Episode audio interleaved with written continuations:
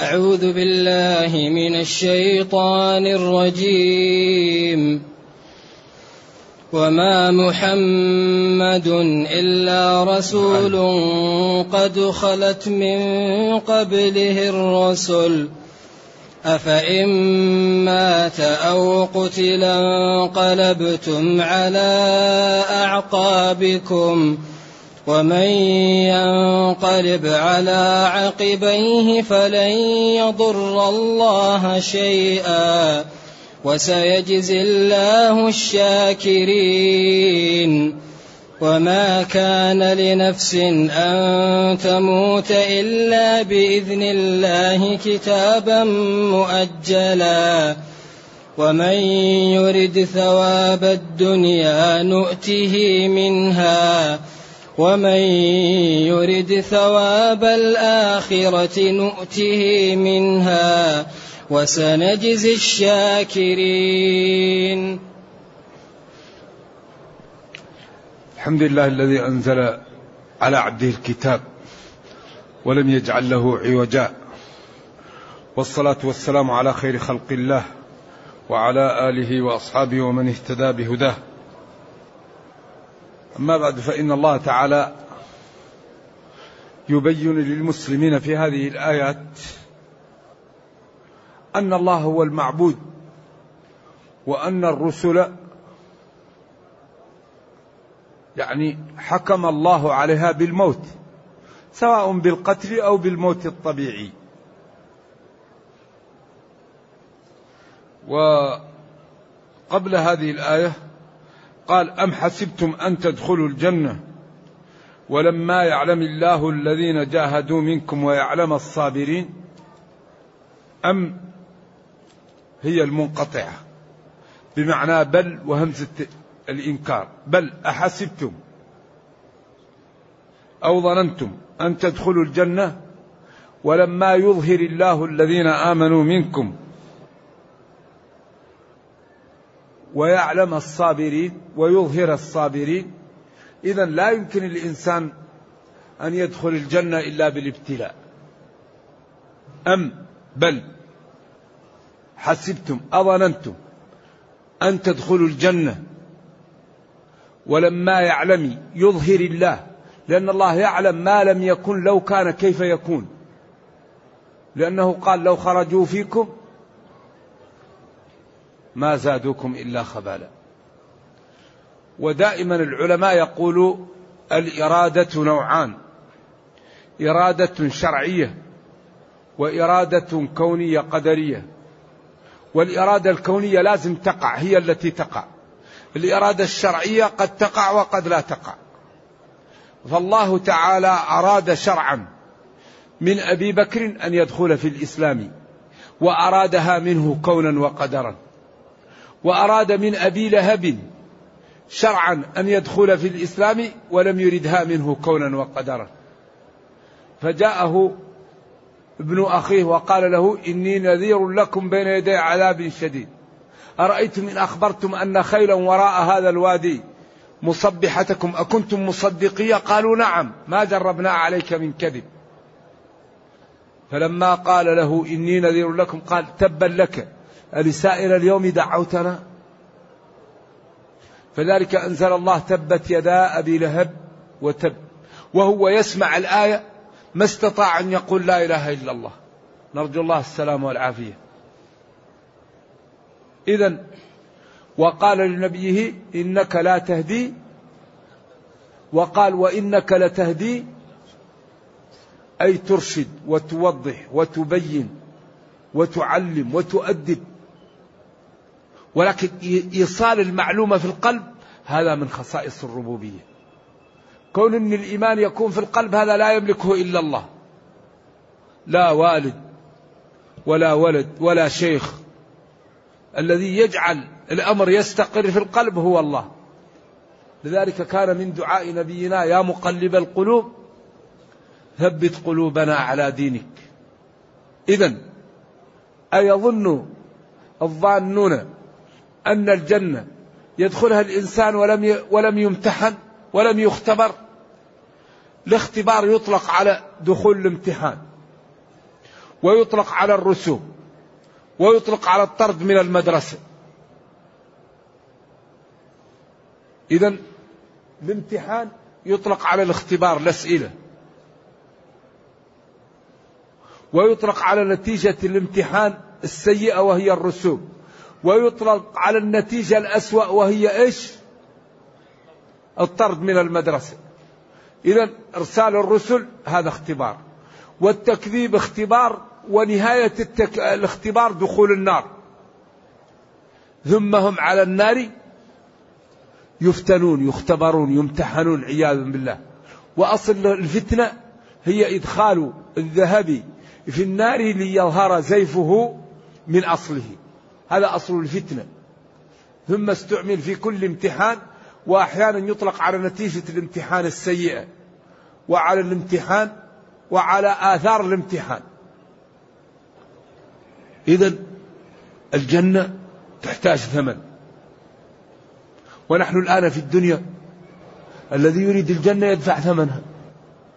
كل شيء بثمنه. والدنيا يحكمها قانون إيش؟ المعاوضة. تدفع تربح. ما تدفع تخسر. كل شيء بثمنه. النظرة بثمنها والكلمة بثمنها والركعة بثمنها والصدقة بثمنها والكلمة الطيبة بثمنها كل شيء له ثمن. لذلك في رقيب عتيد يسجلوا. ما يلفظ من قول ولذلك الله في أول سورة العنكبوت ماذا قال؟ ماذا قال في أول سورة العنكبوت؟ أحسب الناس أن يتركوا أن يقولوا آمنا وهم لا يفتنون؟ ولقد فتنا الذين من قبلهم فلا يعلمن الله الذين صدقوا ولا يعلمن الكاذبين. وقال في الآية الأخرى وما خلقنا السماوات والأرض وما بينهما باطلا. ذلك ظن الذين كفروا. فويل للذين كفروا من النار. وقال جل وعلا ليس بأمانيكم ولا أماني أهل الكتاب. من يعمل سوءا؟ إذا أحسب الناس أن يتركوا أن يقولوا آمنا وهم لا يفتنون؟ لا بد. ولذلك الإيمان لا بد عليه من البرهنة. وإلا كل واحد يقول آمنت. الإيمان لا بد أن يقول أن تكون له برهنة. لا بد للإيمان من البذل. ولذلك إن الله اشترى أوفوا بعهدي أوفي بعهدكم في مبايعات. والله لا يخلف الميعاد. فالذي يريد الجنة لا بد أن يكابد الطاعات شوف سورة أقصر سورة ما هي؟ العصر. إن الإنسان لفي خسر إيش؟ آمنوا إيه؟ وعملوا الصالحات الفعالات الصالحات. الأعمال الصالحة هي الجهاد. أم حسبتم أن تدخلوا الجنة؟ ولما يعلم الله الذين جاهدوا منكم جاهد البصر جاهد السمع جاهد اللسان جاهد المنافقين جاهد الكفار جاهد نفسه. ولذلك درجات الجهاد ثلاثة كل درجة لها شيء. أول شيء الإنسان يجاهد نفسه. ثم يجاهد الآخرين بأنواعهم الفساق المنافقون الكفار. ولذلك قال يا أيها النبي جاهد الكفار والمنافقين. إذا الذي يريد الجنة يقدم لها. أما يقول آمنت ولم يعمل هذا ما يصح. لا بد من العمل.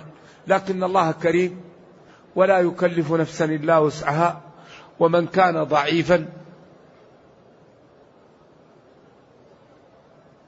يكتفى منه بالقليل لأنه ضعيف.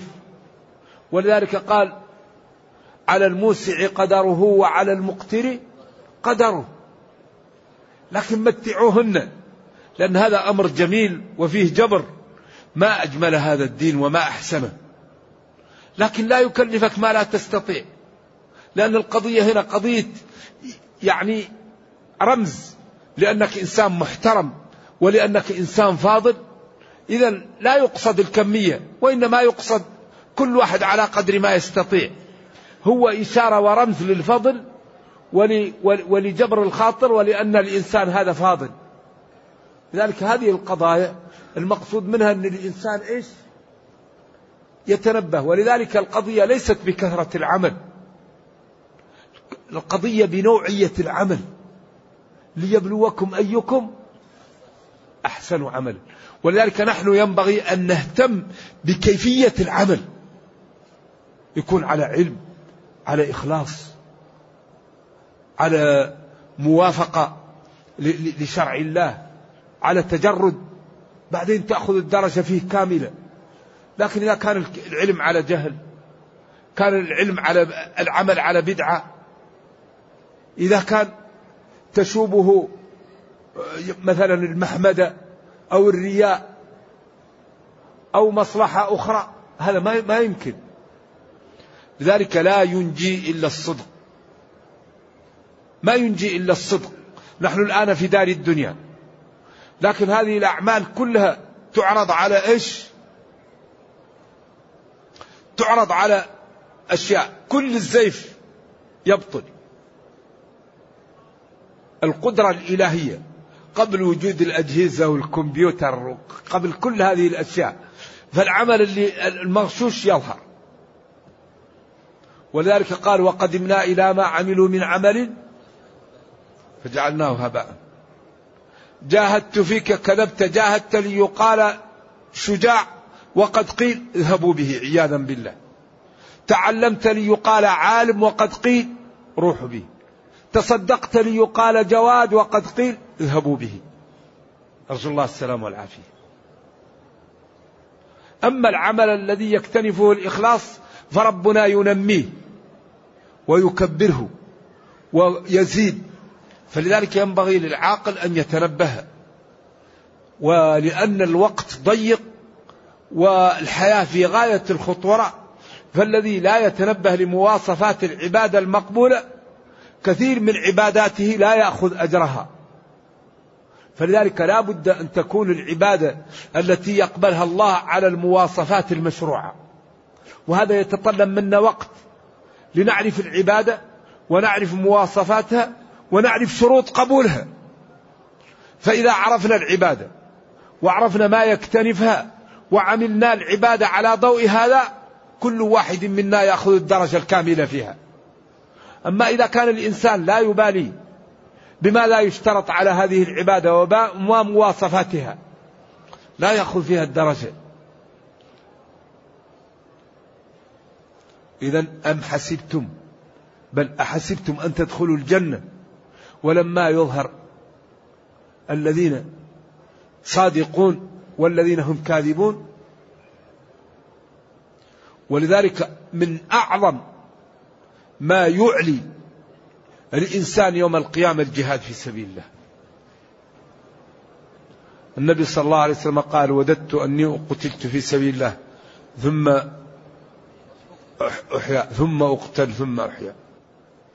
وقال البخاري في صحيحه في كتاب الجهاد من آمن بالله دخل الجنة جاهد في سبيل الله أو بقي في بلده الذي ولد فيه.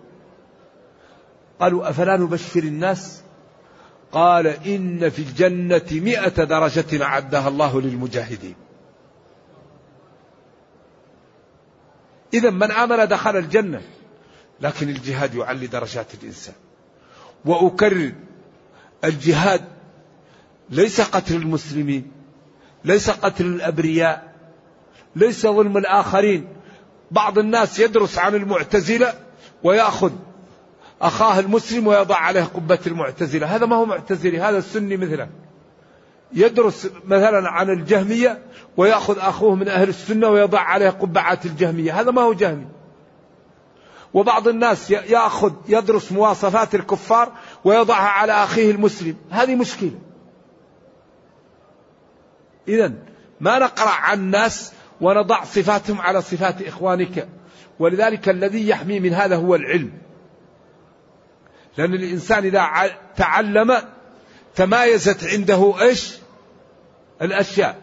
إذا لم يتعلم الأمور تكون مشتبكة عليه. ولذلك الذي يحميه هو العلم. إذا لا بد لمن يريد أن يجاهد أن يعلم متى يكون الجهاد فرض عين وما ومتى يكون فرض كفاية ومتى يحرم ومتى يجوز ومتى يكون الأولى الجهاد. ومتى يكون الأولى تركه ومتى يكون فرض عين؟ ومتى يكون؟ لا بد لأي واحد يريد الجهاد أن يعلم هذا الأمر قبل أن يقدم. لأنه في ولا يحل له أن يفعل فعلا حتى يعلم حكم الله فيه ويسأل العلماء. وبالأخص أن كثير من قضايا الأمة الآن مشتبكة. المسلمون يتأولون ويقتلون بعضا. هذه مشكلة. ولذلك لما اعتزل بعض الصحابة أيام ما حصل بين المسلمين بين معاوية رضي الله عنه وبين علي بن أبي طالب رضي الله عن الجميع فجاء لمعاوية بعد ذلك وقال له لما اعتزلت ولم تنصر الفئة المظلومة؟ قال له ندمت على اعتزالي لأني في ذلك الوقت لم يتبين لي. لكن لما قتل عمار اتضح الأمر. تقتل عمار؟ نعم. فاتضح الأمر عند الصحابة. ولذلك المسلمون دائما قد يقع بينهم بعض الأمور بتأويل. لأن الواحد ما يتبين والثاني ما يتبين. ولذلك ما حصل بين المسلمين سببه أعداء المسلمين. لأن قتلة عثمان خافوا أن يقع الصلح بين المسلمين فيقدمون ليش؟ للعدالة. فبعضهم جاء في هذا الجيش وبعضهم جاء في هذا وكل منهم ضرب الثاني. فوقع القتال وكل واحد يرى أن الثاني إيش؟ غدر به. والذي غدر ناس داخلون في, في, في, في الصفوف ليسوا منهم. يريد الإيقاع الفتنة. ولذلك لما تبينوا يعني عرفت الصحابة الأمر. ولذلك هذا كان متأولا. وهذا إن شاء الله كل منهم على خير. ولكن الحق كان مع من؟ كان مع علي بن أبي طالب. ولكن هذا تأول ونرجو الله تعالى له المغفرة وللجميع. وكما قال السلف فتنة طهر الله منها سيوفنا فلنطهر منها ألسنتنا. وهذه من الأمور المطبات ومن المنعرجات الخطيرة الذي لم يتنبه يقع في مشاكل فيها ولذلك لابن العربي كلام قيم في كتابه العواصم من القواصم وكذلك لابن الوزير في كتابه. ولكن الحق كان مع من؟ مع علي رضي الله عن الجميع. إذا أم حسبتم؟ أظننتم أن تدخلوا الجنة ولما يعلم الله الذين جاهدوا منكم؟ الجهاد باللسان. الجهاد بالقلب. الجهاد بالمال. الجهاد بالنفس. كل ما يملك الإنسان يجاهد به. إن الله اشترى من المؤمنين بأن لهم الجنة. والمتنبي وهو شاعر مشبوه قال لولا المشقة ساد الناس كلهم لماذا؟ والسؤدد منحصر في النفس والمال. الجود يفقر والإقدام قتال. ولا في طريق للسؤدد إلا نفسك ومالك. ما في طريق ثالث. نفسك تعلم الناس تؤطرها لدين الله ترفع من هممها تبعدها عن سفاسف الأمور تحذرها من المعاصي تحذرها من عقوق الوالدين تحذرها من أذية الجيران تحذرها من الفواحش تحذرها من الدناءة. تزرع فيها علو الهمة. المسلم يترك له بصمات قبل أن يموت. يؤلف كتاب. يخترع آلة جديدة تسهل على الناس يعمل مؤسسة تنفق على الأيتام والرميلات وتدرس الأذكياء من أبناء المسلمين الفقراء. تصلح ذات البين. نحن الآن في حاجة إلى مؤسسة لإصلاح ذات البين. تكون مهمتها أي اثنين اختلفوا تعالوا إيش المشكلة اللي بينكم؟ خذ خذ تنتهي القضية. لأن أغلب فساد البين يكون على إيش؟ على مصالح. فإذا كانت عندنا مؤسسة لإصلاح ذات البين ما يبقى بيننا واحد بينه مشكلة.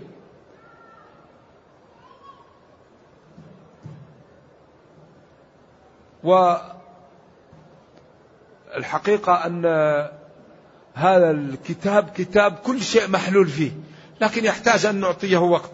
إذا أظننتم أن تدخلوا الجنة. ولما يظهر الله الذين جاهدوا منكم ويعلم الصابرين لا يمكن الإنسان أن ينال شيء إلا بالصبر. الصبر عن النظر للحرام. الصبر عن الغيبة. الصبر عن الكذب.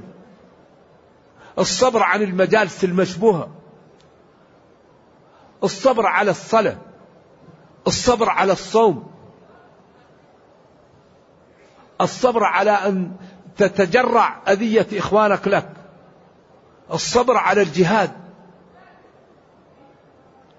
الصبر على أقدار الله. كما قال البخاري إن تعف تفجع بالأحبة كلهم. وذهاب نفسك لا, لا أبا لك. وذهاب نفسك لا أبا لك أفجع لما نعي له أحد العلماء قال إن تعش كل أحبتك يموتون أو تموت أنت هذا أشد. إذا لا بد من الصبر على أقدار الله. لا بد من الصبر على الطاعة. لا بد للصبر عن المعصية. تصبر عن المعاصي. وتنهى نفسك عن هواها. وتتجرع المتاعب لإعلاء كلمة الله. تتجافى جنوبهم عن المضاجع عن المضاجع يدعون ربهم خوفا وطمعا ومما رزقناهم. إيش جزاء هؤلاء؟ فلا تعلم نفس ما أخفي لهم من قرة أعين جزاء بما كانوا بما كانوا يعملون. اذا لا يمكن الواحد أن يدخل الجنة وهو لا يعمل. فمن أراد الجنة فليدفع مهرها. ومن يخطب الحسناء لم يغلها المهر. إذا كان رجل بحث بحث ووجد امرأة فيها الصفات الأربعة ذات دين وذات مال وذات جمال وذات حسن وقال له أدفع مهر يقول لا. يدفع المهر على طول يقول حاضر. كذلك الجنة أحسن من هذه لا بد فيها من مهر. لا بد أن ندفع ثمن الجنة. الجنة ربنا كريم ندفع من أوقاتنا من أموالنا من جاهنا من راحتنا. كل واحد منا يدفع ما يستطيع لدينه ولأمته. أخوك يريد أن تعلمه علمه. أخوك يريد أن تستنصح يستنصحك أنصح له. أخوك تراه يريد أن يعمل شيء غير طيب. أذهب إليه وحاول أن ترده عن هذا. أخوك احتاج إلى ما عندك أو إلى بعض ما عندك. واسي ساعده. لذلك هذا الدين عجيب. وذلك نبينا قال له ربه وإما تعرضن عنهم ابتغاء رحمة من ربك ترجوها. تأملوا إلى هذا الكلام الجميل. فقل لهم قولا ميسورا. جاءوك الناس يريدون منك حوائجهم وأنت لا شيء عندك. قل لهم إن جاءت الغنائم إن جاءت الصدقة إن جاء الخير أبشروا. الآن الأمور غير متيسرة لكن بعد قليل عودوا إلي إن شاء الله تجدون ما يسركم. فقل لهم قولا ميسورا. أما واحد يأتيه أخوه يريد حاجة يقول له يا أخي شوف غيري أنت الله كرمك. وهو يعني احترمك وجاءك عن جميع الناس. يريد منك حاجة تقول له روح شوف غيري. قل له جزاك الله خير. أنا أشكر لك ثقتك بي لكن الله يعلم أني الآن عاجز وفي أول فرصة نقدر أنت على بالي سأقضي لك حاجتك. ولذلك الشاعر ما لا يقول إلا تكن ورق يوما أجود بها. للسائلين فإني لين العود. الورق هو الفضة. إلا تكن ورق يوما أجود بها. للسائلين فإني لين العود. لا يعدم السائلون الخير من خلقي إما نوالي وإما حسن مردودي. إما أن نعطيه وإما أن نرده ردا جميلا. والرد الجميل أحسن من العطاء الذي فيه الاكفهرار وفيه التقطب الوجه وفيه العبوس. ولذلك قال تراه كأنك تعطيه الذي أنت سائله. ولذلك ينبغي المسلم محترم نفسيته كبيرة. لا يكون دنيء لا يكون بخيل لا يكون شحيح. والمسلم أيضا ينبغي أن يكون محترم. أصلا لا يسأل المسلم. إذا سألت من يستغني ومن يستعفف. شوف من هنا يعالج ومن هنا يعالج حتى تبقى الأمة في أحسن حالة. هذا الدين عجيب والله. إذا لا يمكن أن ننال العزة والمكانة الطيبة والرفعة إلا بالمجاهدة والصبر. الصبر كل شيء يحتاج صبر. ولذلك إنما يوفى الصابرون أجرهم بغير حساب. وكل من ينهزم لأن الثاني زاد عليه الصبر قليل. الغلبة بالصبر. العلم بالصبر. الغناء بالصبر. التقاء بالصبر. هذا يصبر عن شهوته ينال التقى. هذا يصبر على بيعه ينال الغنى هذا يصبر على دراسته ينال العلم. هذا يصبر عن شهوته ينال المنزل. كله بالصبر.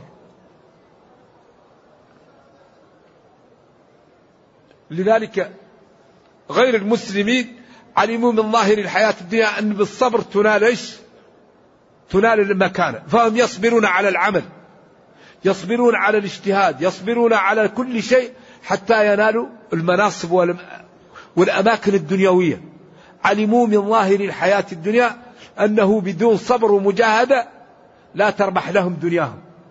فهم يجتهدون للدنيا. فكيف ونحن في الدنيا؟ في سجن لا نجتهد لنسلم في الدنيا ونغنم في الأخرى.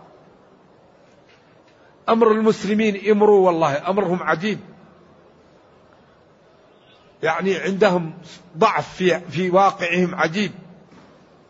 لذلك لا يصبرون ولا يهتمون. ولذلك تسلط عليهم أعداؤهم لعدم قيامهم بالأسباب. تركهم للأسباب جعل أعداءهم يتسلطون عليهم. اذا يقول تعالى أم حسبتم أن تدخلوا الجنة ولما يظهر الله الذين جاهدوا منكم ويظهر الصابرين؟ ثم هنا قال ولقد كنتم تمنون الموت من قبل أن تلقوه فقد رأيتموه وأنتم تنظرون. هذا محرج هذه هذا المقطع محرج. لأنهم قالوا للنبي صلى الله عليه وسلم يخرج من المدينة. وقالوا فاتنا بدر. ونريد أن نصل إلى ما وصل إليه أهل بدر من العزة ومن المكانة ومن الشهادة ومن المنقبة. وقالوا وقالوا فأخرجوا نبيهم من المدينة وهو لا يريد. وبعدين لما جاءت نقطة الصفر فإذا هو بعضهم يكون في وضع آخر لا يليق. نعم. الله قال لهم ولقد كنتم تمنون الموت من قبل أن تلقاه يعني نتيجة الموت هي لقاء العدو. تتمنون أن تلقوا العدو وتجدوا رفعة الشهادة. فقد رأيتموه. جاءكم الجيش وجاءكم في المدينة والحال أنكم تشاهدون الأمر فما الذي حصل لكم؟ وبعضكم حصل له ما حصل له. عجيب هذا. إذا كان علي رضي الله عنه يقول لواحد قال والله لو رأيت عدوي لفعلت بهم وفعلت بهم. قال له يا أخي لا تقل هذا إن هذا الأمر يحدثه الله عند وقته. الشجاعة شيء يحدثه الله عند وقته. لا تقول نفعل نفعل. لأنك قد تقول هذا لكن إذا رأيت العدو تبقى في وضع آخر. ذلك الشجاعة شيء يحدثه الله عند وقته. ما ما. ولذلك إذا جاءت الهزيمة لا يلوي أحد على شيء. ولذلك دريد بن الصمة يوم حنين لما جاءوا بذرارهم قال والله إنكم فعلا لا لا لا لبقر ما تفهمون. كيف تأتوا بالنساء والأطفال والمال للمعركة؟ قالوا عشان ما يهرب أحد. قالوا الواحد إذا خاف يهرب عن كل شيء. أنتم لا تفهمون. خذوا الأولاد والمال وضعوه في منع بعيد. وأتوا بالرجال والسلاح. فإن غلبتم تأتوا بأموالكم وأولادكم وإن هزمتم يبقى لكم شيء. الإنسان إذا خاف لا يبقى, لا يبقى على شيء. فلذلك الهزيمة إذا وقعت صاحبها لا يلوي على شيء نرجو الله السلام والعافية. ولذلك هذه الأمور يحدثها الله عند وقتها. إذا لما قالوا هذا وجاءت قريش وجعل النبي صلى الله عليه وسلم الرماة على الجبل وجعل بعض الصحابة على جهة وميسرة وقال لهم إن رأيتمونا يقتلون لا تبرحوا مكانكم. ورموهم خيولهم بالنبال فانهزمت. فنزلوا يجمعون الغنائم. وقال الرماة إذا تفتنا الغنائم كما قال تعالى منكم من يريد الدنيا. قال ما كنا نظن من فينا أحد يريد الدنيا. فلما رأى خالد المسلمين نزلوا جاء من وراء الأكمة وقتل البقية من الرماة اللي كانت واقفة وحصلت الهزيمة وكانت خيرا إن شاء الله. ولذلك قال تعالى وتلك الأيام نداولها بين الناس ولكن النهاية كما سيأتي للمسلمين النهاية لرسل الله. لأن الرسل تكون بينهم وبين أعدائهم الحرب سجال لكن في النهاية الغلبة للرسل. لأن الله قال وإن جندنا لهم الغالبون. ثم قال فيقتل أو يغلب كما سيأتي في الدرس القادم إن شاء الله عند قوله وكأي من نبي قاتل أو قتل معه ربيون. لأن هذا فيه إشكال. إذا ولقد كنتم والله لقد كنتم. يا صحابة النبي صلى الله عليه وسلم تمنون وترجون الموت. أي أسبابها وهي لقاء العدو. أو المسلم يتمنى الشهادة لما فيها من المنقبة ولما فيها من الأجر من قبل أن تلقوه أي الموت. فقد رأيتموه. أي رأيتم أسبابه والسيوف والرؤوس تطير؟ وأنتم تنظرون فما الذي حصل لكم؟ وكيف يقع هذا؟ ثم إن بن قمعة رمى الصحابي الذي كان يتستر عن النبي صلى الله عليه وسلم وظن أنه قتل النبي صلى الله عليه وسلم فصاح وقال قتلت محمدا وهو الشيطان الذي صاح بذلك أو سمعها الشيطان ورفعها. فلما شاع في الجيش أن النبي صلى الله عليه وسلم قتل وقعت هزة شديدة في الصحابة. وفي السير يقال بعضهم قالوا نذهب إلى عبد الله بن أبي ليأخذ لنا الأمان من أبي سفيان وبعضهم قال نرجع إلى أهلنا لا يقتلنا وبعضهم قال لماذا نبقى؟ نقاتل حتى نموت على ما مات عليه محمد صلى الله عليه وسلم.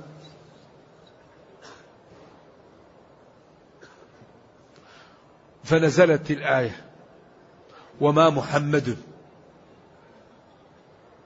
إلا رسول ما إلا تماسكتا. استثناء مفرغ محمد رسول قد خلت مضت من قبله أي من قبل بعثته ومجيئه الرسل. إذا الرسول لازم يموت. إما بقتل أو بموت طبيعي. لكن الرسل لا تقتل في المعارك كما سيأتي. ولذلك في هذه القضية ظهرت صلابة أبي بكر وقوته وأن النبي صلى الله عليه وسلم بصير بالرجال. لما قال مروا أبا بكر فليصلي بالناس. وكانت عائشة صاحبة حظوة ولسان ومكان فقالت لحفصة قولي للنبي صلى الله عليه وسلم يأمر عمر فليصلي بالناس. فقالت إن كنا لأنتن صواحب يوسف. مروا أبا بكر فليصلي بالناس. يا أبا الله والمسلمون إلا أبا بكر. لذلك لما توفي النبي صلى الله عليه وسلم حصل اهتزاز كما حصل يوم أحد بل أشد. فاختفى علي وقال عمر النبي صلى الله عليه وسلم ما مات؟ وسيأتي ويقتل المنافقين ومن قال إنه مات أنا أقتله. فلما جاء أبو بكر وكان في العوالي في بيت هناك عنده ورأى النبي صلى الله عليه وسلم قبل بين عينيه وقال بأبي وأمي مت الموت التي كتب الله عليك. ثم رقى المنبر وقال وما محمد إلا رسول قد خلت من قبله الرسل. أفإن مات أو قتل انقلبتم على أعقابكم ومن ينقلب على عقبيه فلن يضر الله شيئا وسيجزي الله الشاكرين. قال عمر كأني لم أسمع الآية. واسترجع الصحابة ووضع الأمور في مواضعها ففهم عمر وقال ارتضاك رسول الله لديننا أفلا نرتضاك لدنيانا؟ فبايعه المبايعة الأولى. وحصل للمسلمين ما حصل وكانت وفاته يوم الاثنين ضحى في وقت مجيئه وكان يوم مجيئه حل في المدينة من السرور ومن النور ما لا يعلمه إلا الله وكان يوم فراقه للمسلمين حل فيه من الألم والظلمة و و و والحزن ما لا يعلمه إلا الله. إذا محمد رسول من عند الله صلوات الله وسلامه عليه قد مضت من قبله الرسل. إن مات أو قتل انقلبتم على أعقابكم تركتم الإسلام ومن ينقلب على عقبيه ويرتد عن الدين فلن يضر الله شيئا لأن الله هو الغني الغناء المطلق. وسيجزي الله الشاكرين. التائبين الطائعين الحامدين لربهم المطيعين له على ما أعطاهم من النعم. ثم طمأن أنه لا يمكن أن يموت الإنسان إلا بعد أن ينتهي أجله. سواء قتل وسواء مات حتف أنفه وما يقوله المعتزلة في هذا المكان باطل. أن الإنسان إذا قتل نقص أجله. هذا غير صحيح لأن النصوص تدفعه. وما كان لنفس أن تموت إلا بإذن الله. إلا بإرادة الله وبقدره. كتابا مؤجلا. مكتوب.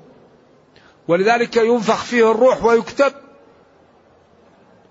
أربع كلمات. يوم موت وقت موت. شريط. انتهى الشريط يموت. سواء بسيارة بمرض بطائرة ببحر بنوم. يكون ساجد يموت. ماشي يموت. نايم يموت.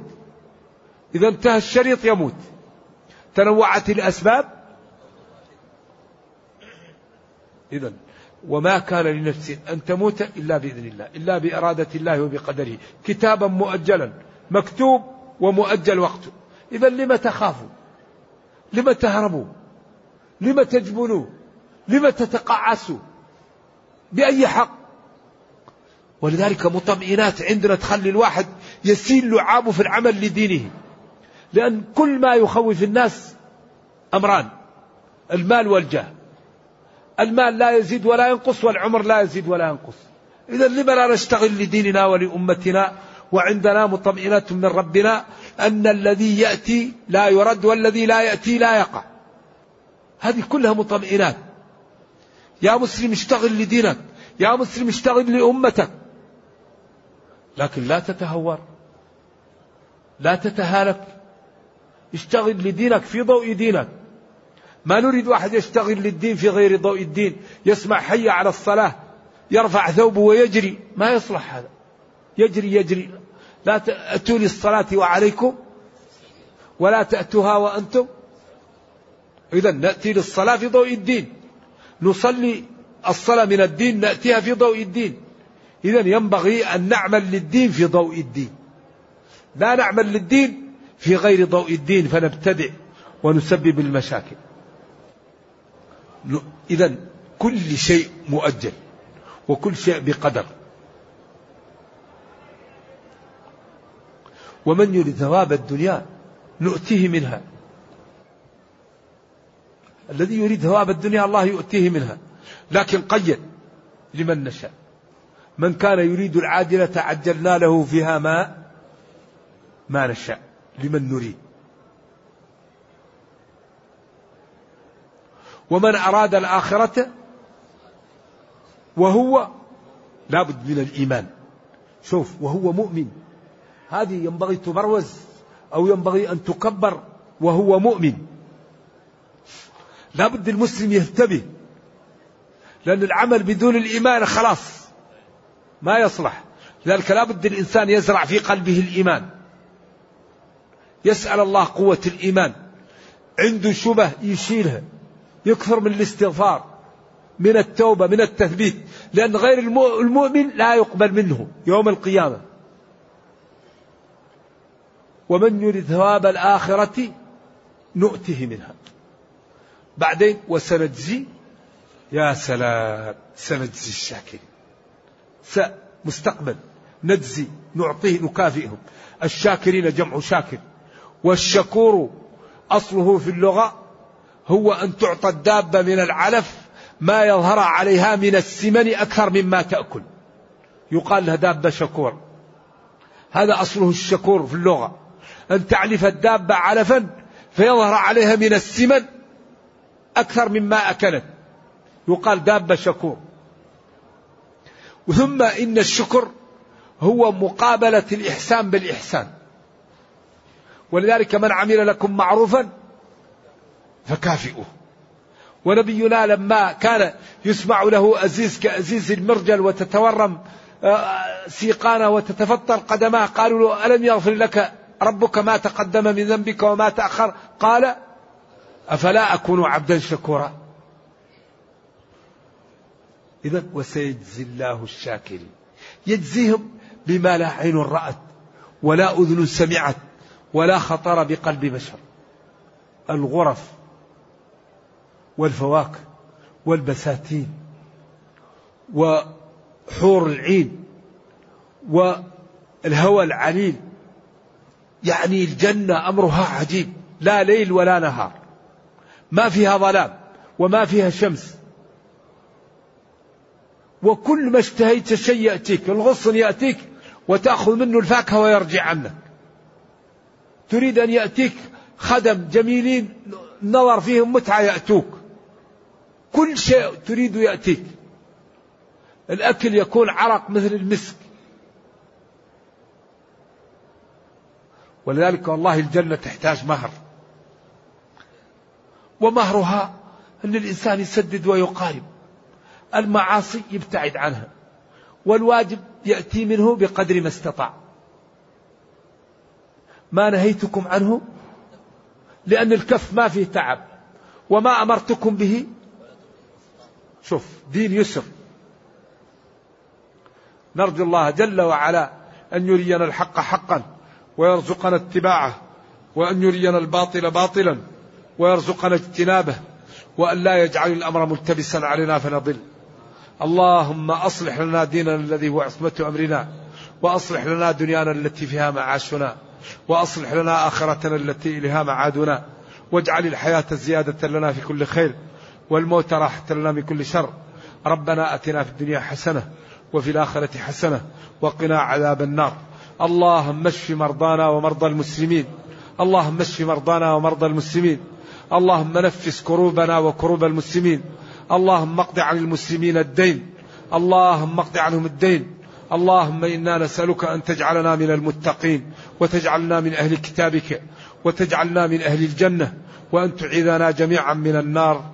وصلى الله وسلم وبارك على نبينا محمد وعلى آله وصحبه. والسلام عليكم ورحمة الله وبركاته.